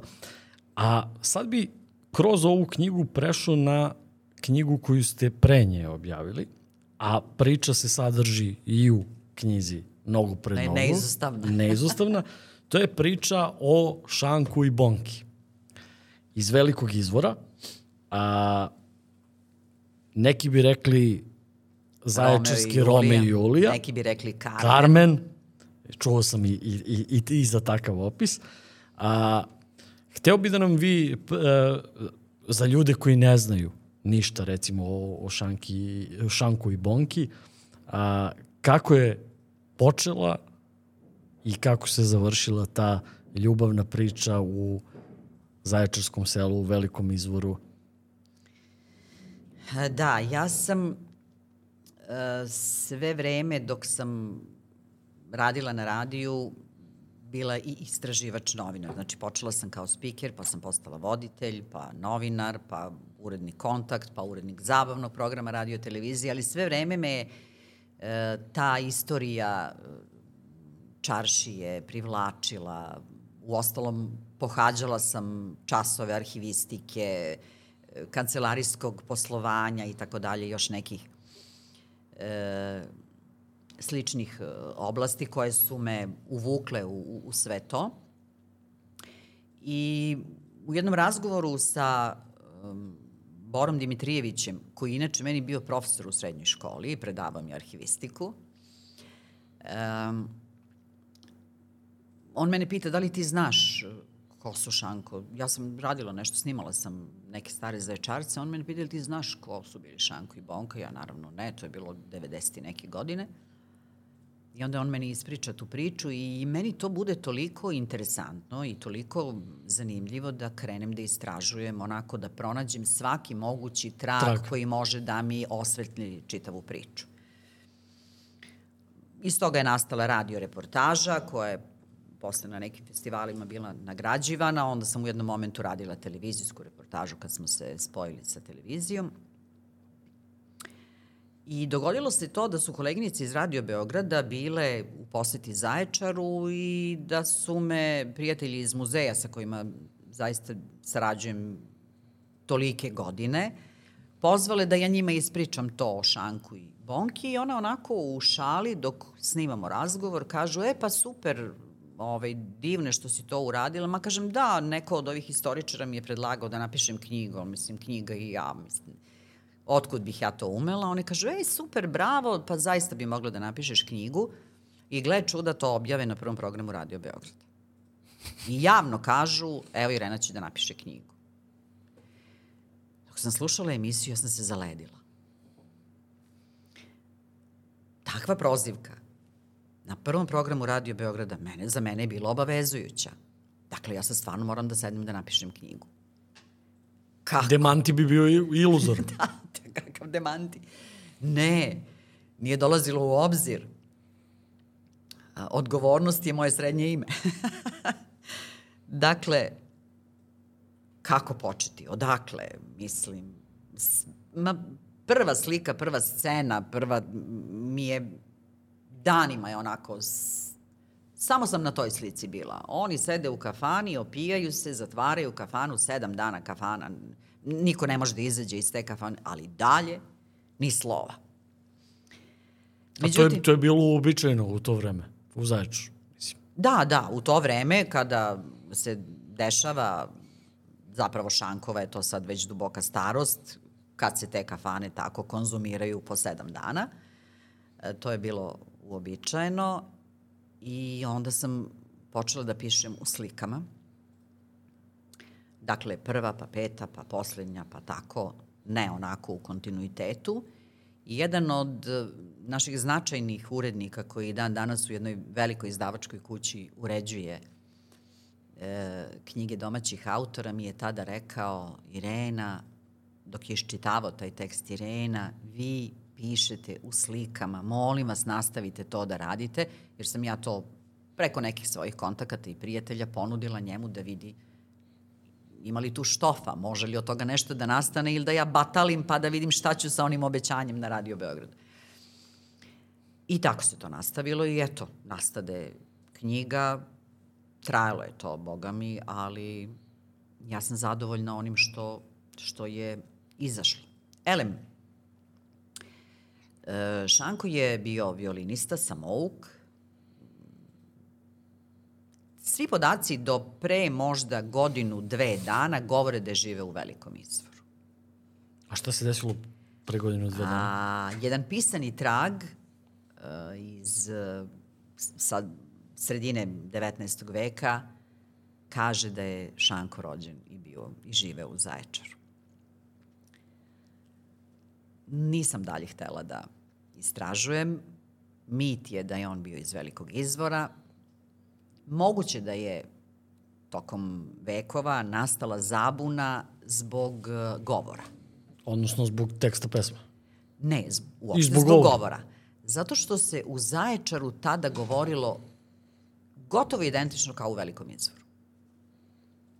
Nije bilo varoškog govora, a, nego je to bila neka mešavina srpskog, bugarskog, već... U suštini pa dosta i veleposednika je bilo iz velikog izvora to je tačno, grada. To je tačno, ali tada se tako i govorilo. E sad, šta god, istina je uvek negde tamo i teško je nekada i proniknuti do nje. U svakom slučaju, priča tako teče, da je on svirač iz velikog izvora koji se zaljubio u lepoticu Bonku, a koja potiče iz bogataške kuće. Ta ljubav nije bila moguća zbog staleža. Uh, onda je izbio Srpsko-Turski rat u koji je on naravno, kao i svi ostali, kao vojni obveznik otišao, služio, dobio i neka odlikovanja, vratio se iz rata, Zaječar je veliki izvor porušen i njegova nada je bila da će mu sada velikoposednik, inače vlasnik Ergele, dozvoliti da oženi njegovu kćerku, jer su sada isti, kako on kaže. E... Nemaju ništa i jedni i drugi. Da. Međutim, to se nije desilo. Bonkin otac je odlučio da nju izbavi od sada te bede i siromaštva i da je uda za bogatog negotinskog trgovca, na šta ona nije pristajala i verovatno je tu bilo i raznih situacija, mi o tome baš i nemamo mnogo podataka. Nešto sam ja tu morala malo i da domaštavam, što je logično, jel? I na kraju je pristala, to je sada podatak koji su muzičari, istoričari, hroničari prenosili s kolena na koleno kroz generacije i, i decenije, da je ona pristala da se uda, ali ako na svadbi svira šanko. Postavila uslov. Tako je. On je nerado prihvatio, ali je ipak došao. Zapravo ga ona zvala da se tobože oproste. Sad, šta je bilo u njenoj glavi, mi to ne možemo da znamo. Da li je njemu bila namera da on potegne nož na nju, mislim da ne. Priča kaže da je ona od njega zahtevala da je ubije kako ne bi otišla drugom i moguće, znate, ženska pamet svašta smisli. Mislim, moguće da ona zaista imala takav plan. U svakom slučaju, on je nju izbo nožem na dan njenog venčanja. Uhvaćen je vrlo brzo, nije se on ni opirao, priznao je zločin – Kao ratni heroj, on je dobio olakšavajuće okolnosti prema e, kaznitelnom zakoniku iz 1868. a ovo se ubistvo dogodilo dakle posle Srpskog-Turskog rata. E, za zločin e, s namerom ili predumišljajem e, on je trebalo da bude osuđen na doživotnu robiju. Međutim, on je osuđen na 20 godina i to je podatak koji nam govori da su zaista imali e, prilikom donošenja presude e, e, u vidu to što je on bio ratni heroj, nije bio kriminalac, nije bio prek čovek, jednostavno zločin iz strasti je zločin iz strasti. Otišao je u Požarevac na služenje kazne, kao dobar zatvorenik koji nije izazivao nikakve kavge, a pritom muzičar, violinista, on je vrlo brzo stekao slavu i dobio e, mogućnost da kao slobodnjak, u statusu slobodnjaka, izlazi i svira u požarevačkim kućama e, ili kafanama, naravno u prisustvu žandarma. I dok je tamo boravio, on je tu priču i čitav taj svoj roman opevao u baladi Šankosi Bonka Zalibi. U jednom trenutku je to čuo kralj Milan i zatražio da mu ispričaju, zapravo da mu sam Šanko ispriča šta se tu desilo i pomilovao Šanko se vratio u Zaječar u oči Timočke bune i podaci kažu da je, to je Dragutin Ilić, zapisao u knjizi Zaječarska buna. U suštini on nije ni četvrtinu kazne. A nije ni četvrtinu, recimo. Da, nije, nije, nije bio, bio je možda dve, tri godine. A, I sudijama prekog suda u kafani kod Lugumerskog, kako Dragutin Ilić u knjizi Zaječarska buna, koji je inače bio delovođa prekog suda nakon Timočke bune, navodi e, da je šanku sudijama prekog suda, kad završe donošenje tih presuda bez apelata, uveče svirao u gostionici i da su se oni tu opijali do besvesti, jer sve je to tako bilo komplikovano i verovatno su i oni se pitali šta tu rade i kome sude i zašto sude. I da je navodno to bilo njegovo prvo izvođenje e, balade Šanko Sibonka Zalibi, dakle 1883. Od tog momenta pa do kraja njegovog života 1928.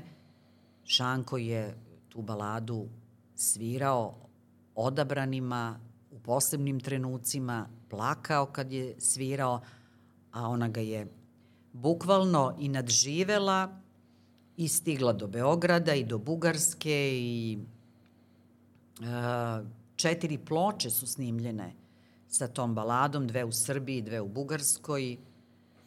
Uh, kasnije je Vojislav Ilić, kompozitor, radio uh, operu. Um, mislim da se Dragoslav Ivanović zove, evo sad nisam sigurna ili da, tako nekako, nije važno, je radio libreto. E, takođe između dva svetska rata i e, Vojislav Ilić je komponovao operu. Ja sam imala priliku da sa njim lično razgovaram e, i čovek mi je to zaista potvrdio. Međutim, ta, kao i mnoga njegova druga dela koja nisu doživela izvođenje, su nestala negde u vihoru drugog svetskog rata i o tome nema. Postoji libreto, ali ne postoje notni Vi čak i u jednom Zavis. intervju kažete da ste se plašili da li će knjiga ikada ugledati svetlost dana, jer sve što je bilo vezano za Šanka i Bonku nije završeno. Jeste.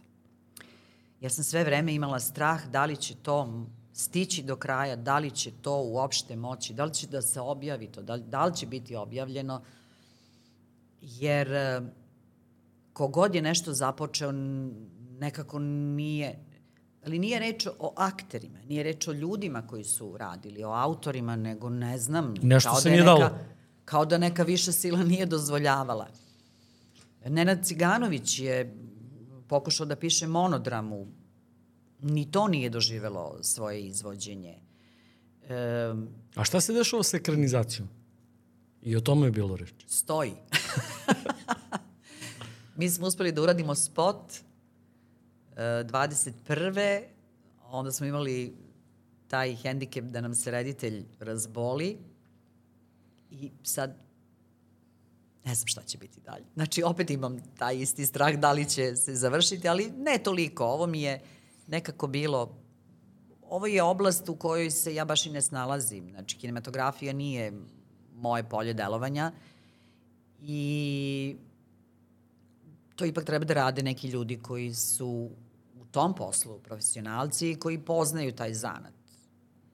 Moji su dometi ovoliki. Dobro, u suštini knjiga Šankus i Bonku Zalibi. Zalibi ili Zavole, kako da, smo to rekli. A, je u suštini jedna romantizacija a, nečega što je nastalo po istinitom događaju, ali ima vaš pečat u svakom slučaju. Knjiga ima vaš pečat i ima neke stvari za koje ne možemo da, da tvrdimo da li su se baš tako odigrali ili ne. Da, Sam lepo ima, rekao. ali tako je, ali vrlo malo je tih segmenta. Sve ono što se tiče zaječara, kafana, opet javnih kuća kojih smo se malo čas dotakli, um, nekih zabava, nekih e, socioloških prilika i tako dalje, to je sve faktografski. E sad vi... Dijaloge sam zapravo morala da uradim, ali sam ja kroz te dijaloge e, zapravo u njih utkala sva ta, sve te rezultate nekog svog istraživačkog e, novinarstva. Dugogodišnjeg istraživača. Domaštavanje je samo ono što zaista ne znamo, a to je da li se odigralo baš tako ili recimo da li je zaista majka Šanku rekla nemoj sine da ideš tamo. Jednostavno to je pravo svakog autora da, ili da, da, li malo... je, da li je recimo stvarno uh, kralj pomilovo Šanka u smislu Jeste. zbog pesme? Kralj jeste pomilovao Šanka, ali to jeste sada opet uh, diskutabilno. Kralj je nakon inauguracije 1882. u kralja, zapravo knez Milan, nakon inauguracije, pomilovao sve lakše zatvorenike. Mi ne znamo da li je Šanko bio na tom popisu, ta arhiva je negde još uvek u Požarevcu. Poslednji put kad sam se čula sa prijateljima iz istorijskog arhiva, rekli su mi da se to još uvek istražuje. Zapravo oni su mi rekli dođite pa tražite, ali to bi značilo mesec dana do dva u Požarevcu. Uh, I uh, da li je zaista njega kralj čuo? Verujem da je, da je ta situacija morala da se dogodi. Uh, kralj je često boravio u Požarevcu, zapravo u Ljubičevu, Ovaj je bio slobodnjak, svirao po kafanama. Čak sam u jednom razgovoru sa u vreme kad sam radila radio reportažu, tadašnji direktor istorijskog arhiva, koji je isto bio opčinjen tom pričom, pa je sakupljao neke, kako je on govorio, male informacije, e, meni to naveo kao de facto podatak. Da, da, da, on je bio slobodnjak, izlazio je u požarevačke kafane, jer je on čovjek istraživao neke lokalne novine i njegova kapela je kasnije bila daleko poznatija od Cicvarića. To su njegove reči, taj tonski zapis čuvam, kao i sve druge u ostalom. Tako da nema tu, tu sad već nema nekog domaštavanja. Ali ostavljamo varijantu da je možda se situacija nekako drugačije desila. Ne bih se ja tu mnogo mešala. Ovaj mit je mit i neka tako ostane. E sada, a, vi radite na još jednom zločinu i strasti. da. Neko bi rekao, opčinjena sam zločinima i strasti. U pitanju je Vojislav Ilić mlađi. U pitanju je Vojislav Ilić. Uh, to je neverovatno um, na šta nas sve ljubav natera ili do čega nas ljubav dovede ili nas ne dovede zato što negde pogrešno skrenemo. E, još jedan zločin iz strasti, Vojislav Ilić Mlađi, pesnik, čiji su stihovi uklesani na Zejtinliku. I to nije onaj Vojislav Ilić koga smo mi izučavali u školi. A, ovoga su e, prestali da izučavaju u školama posle drugog svetskog rata. On je bio prokužen zato što je bio odan E, buržuaziji i kraljevskim Kraljevin. dinastijama, da, i kao takav je prognan iz svih škola i svih učbenika i tako dalje. Inače je bio najdeklamovaniji pesnik između dva svetska rata. Nije mogla da se zamisli ni jedna svečanost na dvoru, u školi ili bilo gde drugde, a da se ne govore stihovi Vojislava Ilića mlađeg. Igrom slučaja je on bio sudski pisar u Aleksincu, gde je doputovao iz Beograda sa diplomom pravnog fakulteta i doveo sa sobom ženu koja je završila veliku školu u Beogradu. Tu im se rodila devojčica i ona je ubrzo posle toga dobila posao kao učiteljica u Krivom viru. To nije neobično. Uglavnom su učitelje iz e, centra slali na neke marginalizovane e, destinacije, u neke škole koje su blizu granica i tako dalje, da bi tamo naučili zanat, tako je i Mirjam dospela u Krivi vir, tako su ovde došli Đura Jakšić, Vladislav Petković, Dis, e, A i verovatno je bilo i nedostataka kadrova u tim manjim mestima. Naravno, naravno, ali je iz nekog razloga su to kasnije proglasili kao dolazili su po kazni, pa su u te krajeve e, poslati oni koji su bili nepodobni politički. Nisam sigurna da je to baš uvek bilo tako, jer konkretno žena Vojslava Ilića mlađeg, Darinka, apsolutno nije imala nikakvu političku konotaciju, niti se politikom bavila, Slučaj je hteo, Krivi vir bio, bio velika škola u to doba, znači govorimo o početku 20. veka, imao je 150 đaka, odnosno škola je imala 150 đaka. Uh, imali su četiri odeljenja, ne znam koliko učitelja, imali su učitelja violine. Uh, Elem, ona je raspoređena u Krivi vir, to je mladi bračni par, fizički razdvojilo, uh, Vojslav je bio inače po prirodi melanholičan i ljubomoran tip, njemu je to smetalo, on je pokušavao na više načina da se oboje izbave iz ovoga kraja, da odu negde drugde. Imao je veliki broj prijatelja i veliku podršku, jer mu je otac bio sveštenik u obe dinastije na dvoru, tako da je imao, da kažem, ajde, neku logistiku. Vezu. Vezu, da. E, no nije stigao da bilo šta izdejstvuje u tom smislu, jer je devojčica njihova beba umrla, Darinka je nastavila sa svojim životom u krivom viru, možda pod e, tom tugom ili ophrvana tom tugom, navodno je stupila u nedozvoljenu vezu sa učiteljem violine, što je Vojslav u jednom momentu... Opet violina. Opet violina i opet zločini strasti. Zato ta violina kad svira, pa to je dert. ovaj, e, I čak mu je ona sama priznala u jednom momentu da tako je i onda je on nju ubio iz pištolja u krivom viru.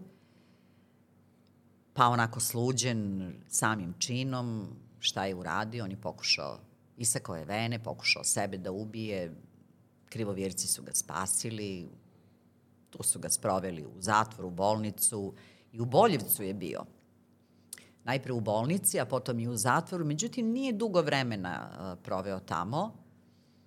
Kažem, imao je dobru vezu i dobru, dobru logistiku, dobar lobi. Svega šest meseci je bio u zatvoru. Manje nego Šanko. Manje nego Šanko.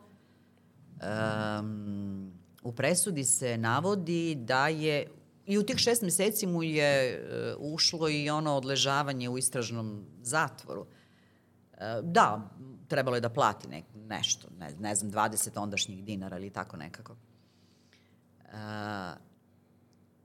Nije, da, navodi se u presudi da je bio izazvan njenim nemoralnim ponašanjem. Praktično je sud nju osudio zbog preljube i prevare, a ne njega zbog zločina. Njena sudbina se tu završava jer krivovirci su je sahranili, niko nikada od familije nije došao na grob, grob je obilazila samo neka baba slavna iz Krivog vira, do svoje smrti, nakon toga više ne, ni, nije bilo nikoga, mislim da ne postoji nikakvo obeležje, bar nije bilo kad sam ja nismo, mi smo ga mi našli, pretpostavljam da to nije bio nekakav nadgrobni spomenik, ko bi ga podigao uopšte. Verovatno je bio samo drveni krst, ako je uopšte i njega bilo. E, Vojislav se vratio u Beograd, nastavio da živi, oženio se, mislim da je čak osmoro dece imao, nisu sva preživela. Postao je, kako rekoh, najdeklamovaniji pesnik e, ondašnje Jugoslavije. I sudija. I sudija apelacionog suda. Za sve su ga pitali. Za zašto Srbija nema uh, uh, društveni roman. Uh, zašto, bio je u raznim komisijama, um, zašto se, ne znam, dešava u politici to, zašto je neko nešto napisao, šta je neko objavio. E, Skerlić ga nije voleo i Skerlić je baš oštre kritike pisao o njemu, ali je zato Geca Kon u svojoj velikoj antologiji objavio tri ili četiri njegove pesme. Da, e, vrlo je zanimljivo kako zločin iz strasti može da zapravo kako strast uopšte može da iznedri neko umetničko delo. Kao što je Šanko napisao baladu, Šanko Sibonka Zalibi, Vojislav Ilić je zločin i strasti svoj i sve ono što mu je prethodilo i što je usledilo posle toga opisao kroz pet pesama i svih pet se dešavaju, zapravo radnja svih pet se dešava u Krivom miru. I te pesme su upravo priređivači ugrađivali u svoje antologije. Evo kao Geca Kon, pa potom i neki drugi. Ali su njegovi saradnici pokušali da sakriju svu prošlost vezanu za, za taj zločin. Interesantno je da nema podataka. Jedan moj kolega iz politike je pokušao 90. godina da nađe presudu, nije uspeo, našao je jedini primerak kod potomaka Vojislava Ilića, presuda u kojoj se taksativno navodi šta se dogodilo i tako dalje. I ono što sam ja našla, to je e, članak iz politike iz 1904. gde je neki novinar, inače Vojslavljev prijatelj, lično otišao u Boljevac i dok je ovaj bio u zatvoru, um, uradio intervju sa njim. I taj intervju, naravno prepričan, verovatno su to tada takvi trendovi bili, e, objavio u toj politici. Ja sam ga našla, pošto je politika, naravno, sva njihova izdanja su dostupna i lako možete to da proverite, e, gde on isto to sve navodi. Čak se tu Vojslav e, njemu jada, kako on sada ne može da se pomiri sa tim, kako mu Darinka nedostaje, kako ne zna zašto je to učinio i tako dalje.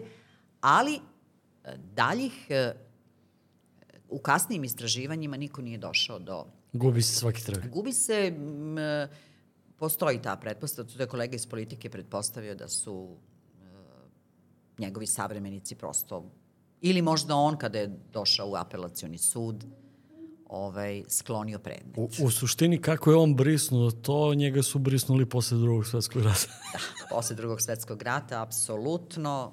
Više se njegovo ime nije spominjalo ni u kakvim Kada možemo da očekujemo da... Pa knjiga je gotova u principu. Još to ja uvek, ja, ja volim tako da iščitavam iznova pa da nešto menjam, prepravljam i kao, a ovo nije dobro, mora malo drugačije. A, čeka je ta jedna možda finiš redaktura i jedno lektorsko iščitavanje pa da bude objavljena. Trebalo je, moja želja i namera bile su da to uradim prošle godine, Nažalost, e, čitava ova situacija je negde dovela do toga da je papir poskupeo, da sada izdavanje knjige košta mnogo skuplje nego nekada. Ja opet insistiram na ovom papiru i u jednoj i u drugoj, pa se nadam i u toj trećoj knjizi i na tvrdom povezu, ne na recikliranom papiru i onda to naravno poskupljuje. Ali je kvalitet veliki knjiga ipak treba da ostane. Svi ovi zapisi... Me, meni je interesantna, meni je interesantna ova priča jer vi ste izdavač uh, da. knjige Nogu pred nogu. Interesantno mi je da niko nije uh, na, pronašao interes da, da ova knjiga... Pronaš, pa, prošla je ona kroz nekoliko konkursa. U jednom momentu su bila i odobrena sredstva iz budžeta grada za izdavanje te knjige, ali onda je došlo do gašenja starog centra za kulturu, osnivanja novog koji nije bio pravni naslednik onog starog i tako dalje. Dok su oni uhvatili korak sa vremenom, ja sam već rekla, pa dosta je stajalo, ajde da, da ovaj, to izađe. A veliku zahvalnost duguje Milošu Petkoviću iz Centra za kulturu koji je nakon izlaska iz štampe knjige Šanko Sibonka Zalibi došao i rekao je e, pa vidi, aj, zašto, jel možeš ti to da pretvoriš u, u knjigu, pa to bi bilo fantastično, te priče su bile divne. Interesantno je da mnogo ljudi je došlo kod mene i kasnije u knjižaru da me pita gde može to da se nađe. Imam nekoliko, neko je to podigao na neki mislim da je na YouTube kanal podigao nekoliko tih priča, ali nisu sve tamo, a nisu ni urađene sve do kraja. I kao, hoćeš ti to da probaš da uradiš? Ja kažem, pa dobro, ali kao imaš šest meseci. Tako da sam forsirano nju, nju radila.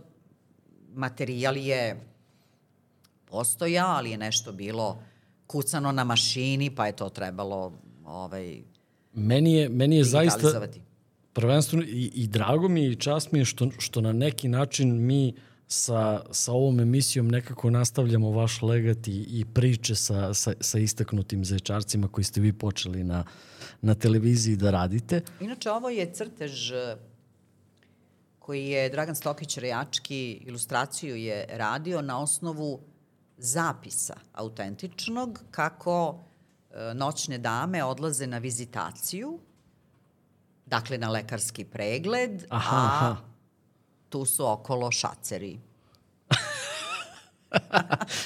Koji čekaju da one završe pregled da znaju da li da idu.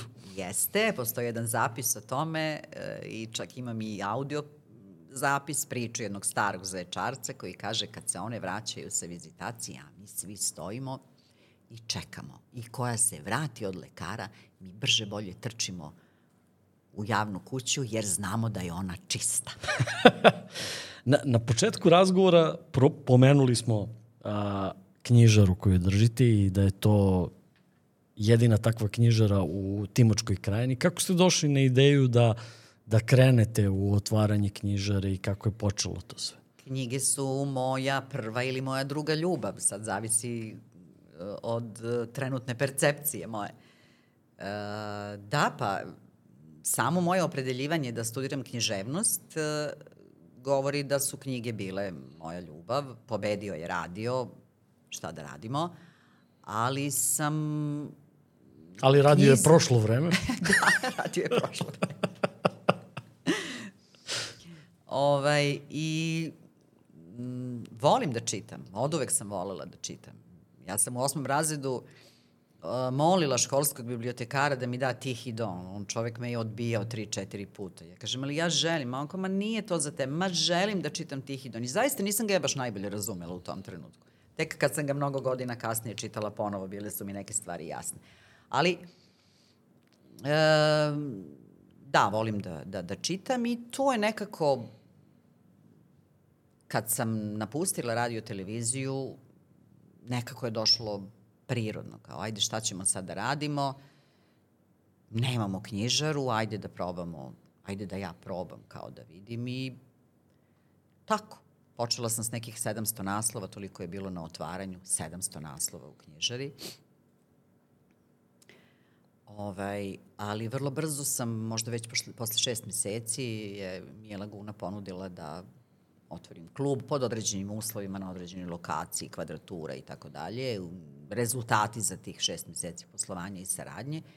I onda je negde u krajem te godine, u decembru 2010. otvorena ova, ako dan danas smo na istoj lokaciji. E, u odnosu na tih 700 naslova, s koliko sam počela i negde sam ja izvela bila matematiku, treba pet knjiga dnevno da prodam da bih opstala. I računala sam pa kao za čitav dan rada, valjda ću prodati pet knjiga. Koliko je to teško, to sam htela da vas pitam, u današnje vreme. Koliko ljudi čitaju? Čitaju. Čitaju? Čitaju. Čitaju i kupuju. Ne znam kako će stvari nadalje da se odvijaju, jer knjige poskupljuju kao i sve drugo. I ne znam koliko ćemo biti u situaciji da priuštimo sebi. Knjiga je ipak na neki način luksuz, ako to uporedite sa egzistencijalnim pitanjima, hrana, troškovi i tako dalje. Ali ako su svi čitaoci koji dođu da kupe knjigu poput mene, oni će se odreći nekih drugih stvari i kupiti knjigu. Tako da verujem da će knjiga opstati, Koliko dugo, ne znam, ali i onako nam projekcije da ćemo 2030. živeti u komunama, da će biti potpuno drugačiji svet, da nam neće trebati lična vlasništva, stanovi, automobili i tako dalje. 2030. 30.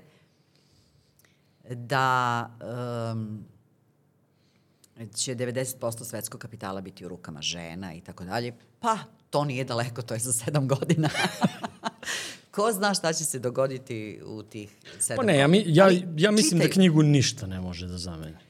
Mislim da ne. Ima mnogo onih koji prelaze na te uređaje za isčitavanje um, ovaj, elektronskih knjiga, ali šuštanje papira, miris papira zaista ništa ne može da zameni. Sigurno će doći jedan trenutak kada knjiga u ovom formatu neće biti više interesantna većini čitalaca. Ja mislim da neće. Ne znam zašto, ali, ali mislim da neće. Ali, A, možda, može da dođe do nekog smanjivanja. Evo sad, sad ako gledamo, sad se vraćaju u ploče. Vinil se vraća u upotrebu. Jel? Pa, pa da, da, da, da. U najveći svi izdaju ploče. Tako da, Počeli su čak i proizvođači da prave nove gramofone, tako da... Jedan kolega sa Radio Beograda koji je bio ton majstor 90. godina je rekao mi ne znamo, tada su se tek bili pojavili diskovi, i rekao je studijska traka na koju snimamo materijal je ustanovljeno je kvalitetna, dugotrajna i ne znam koliko je tada već godina, možda 60, 70 godina postojala kao takva i e, zvuk koji se sa nje čuje, koji se emituje, je gotovo nepromenjen. Za diskove ne znamo. Najlepši zvuk. Magnetofon. Tada nam je govorio, za diskove ne znamo, oni će možda trajati 5 ili 10 godina, možda i 20, ali ja nisam sigurna da će, siguran da će to opstati. E sad ovo što vi kažete zaista potvrđuje da se mi vraćamo na, na neke stvari. Verujem da knjiga neće dugo biti, da se neće povući dugo i da neće izgubiti e, bitku sa ostalim oblicima za e, ovaj, konzumente, da tako kažem. E, naravno, zavisi od mnogo čega, od dubine naših džepova, od ali se čita i to je e, predrasuda da danas ljudi ne čitaju. Danas toliko, je toliko velika ponuda.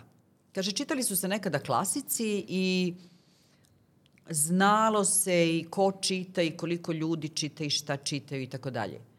Pa znalo se, ali vi ste imali tada možda 50, 100, grubo rečeno, metaforički, hiljadu knjiga koje su bile u ponudi.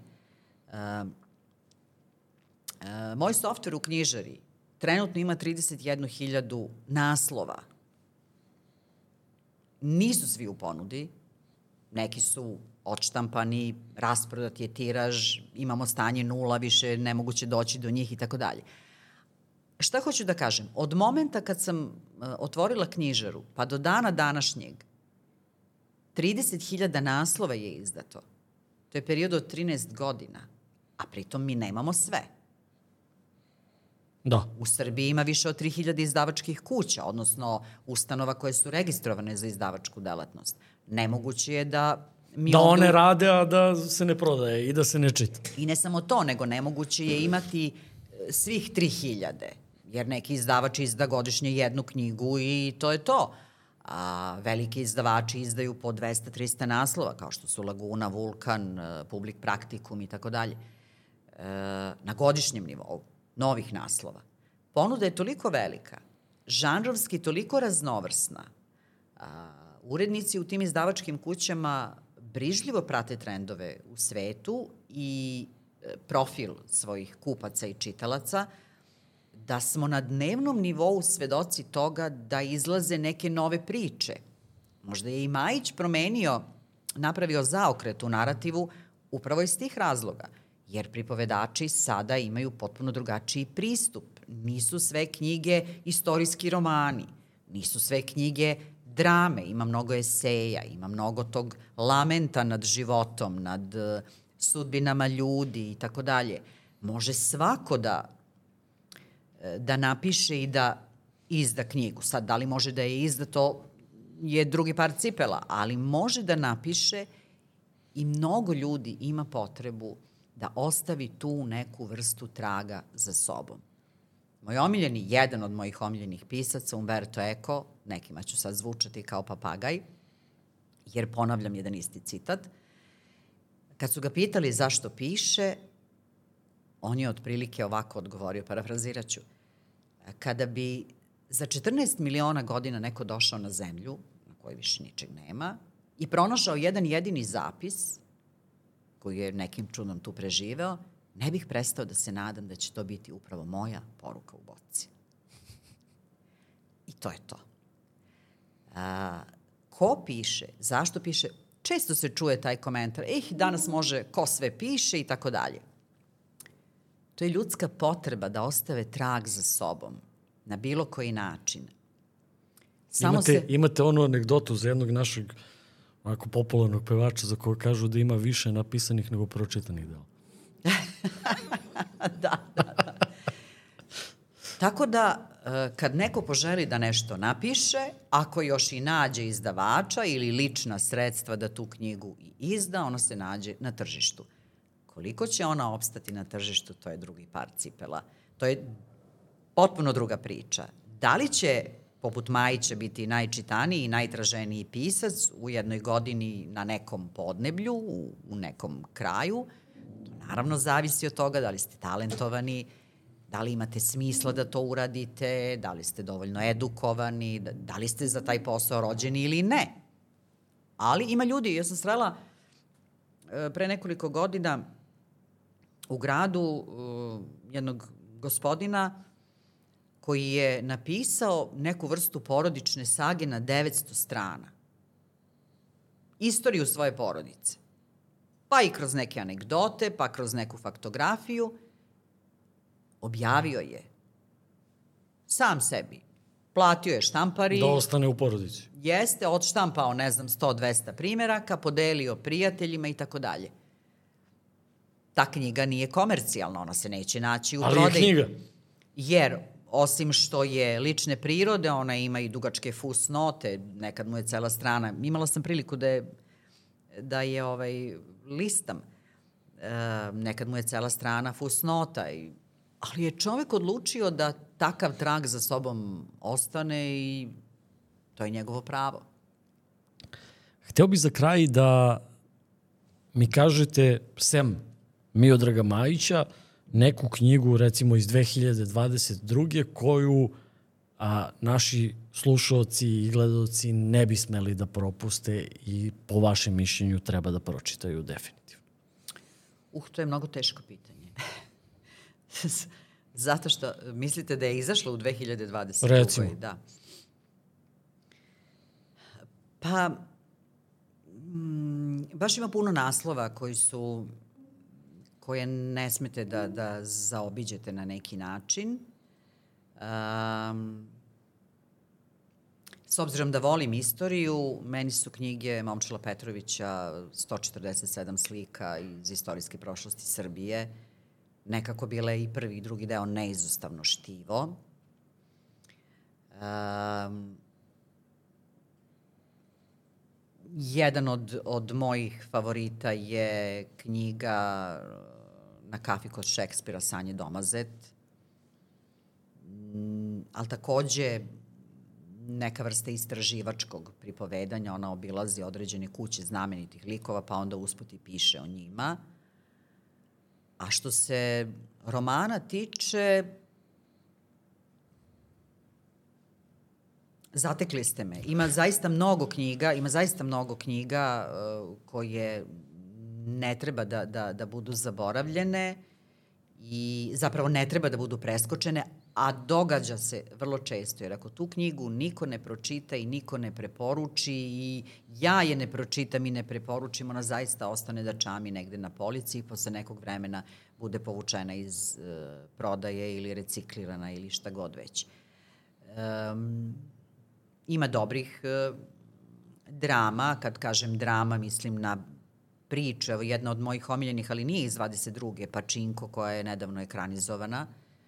To je saga jedna koja se dešava u Koreji, koja nikako ne bi trebalo da bude zaobiđena. Anthony Dorr, španski pisac i Nobelovac, zapravo i dobitnik Pulicerove nagrade. Evo sad dok pričam, prisećam se, uh, njegova dela takođe, mi smo nažalost preveli samo jednu knjigu, njegovu, to je Sva svetlost koju ne vidimo. I onda uh, um, to nikad neću da zapamtim, mislim da je Whitehead, koji je dva puta dobio Pulitzerovu nagradu za književnost, recimo Momci iz Nikla, fenomenalna priča. Zapravo je to ono što se zove dobrim pripovedanjem. Dok čitate knjigu, a prosto vam te reči nekako same ulaze u svest. E to je, to je već veliko umeće. Ali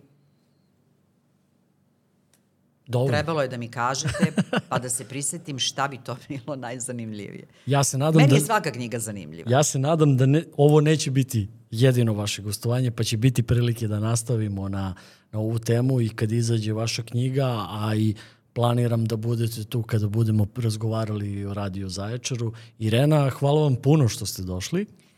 Hvala vama. Velika mi je čast bila da, da mi budete gost i nadam se da se vidimo uskoro da li e, zbog Radio Zaječara, da li zbog izdanja vaše knjige, ali se nadam da, da ćemo ponovo razgovarati jer je razgovor bio izuzetno interesantan.